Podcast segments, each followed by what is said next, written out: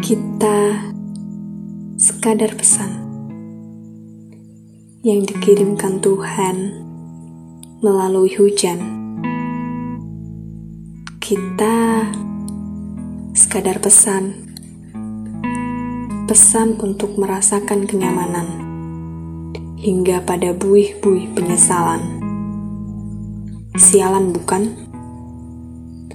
Dan kita sekadar pesan entah pertemuan dan perpisahan adalah bingkisan pesan yang berkesan,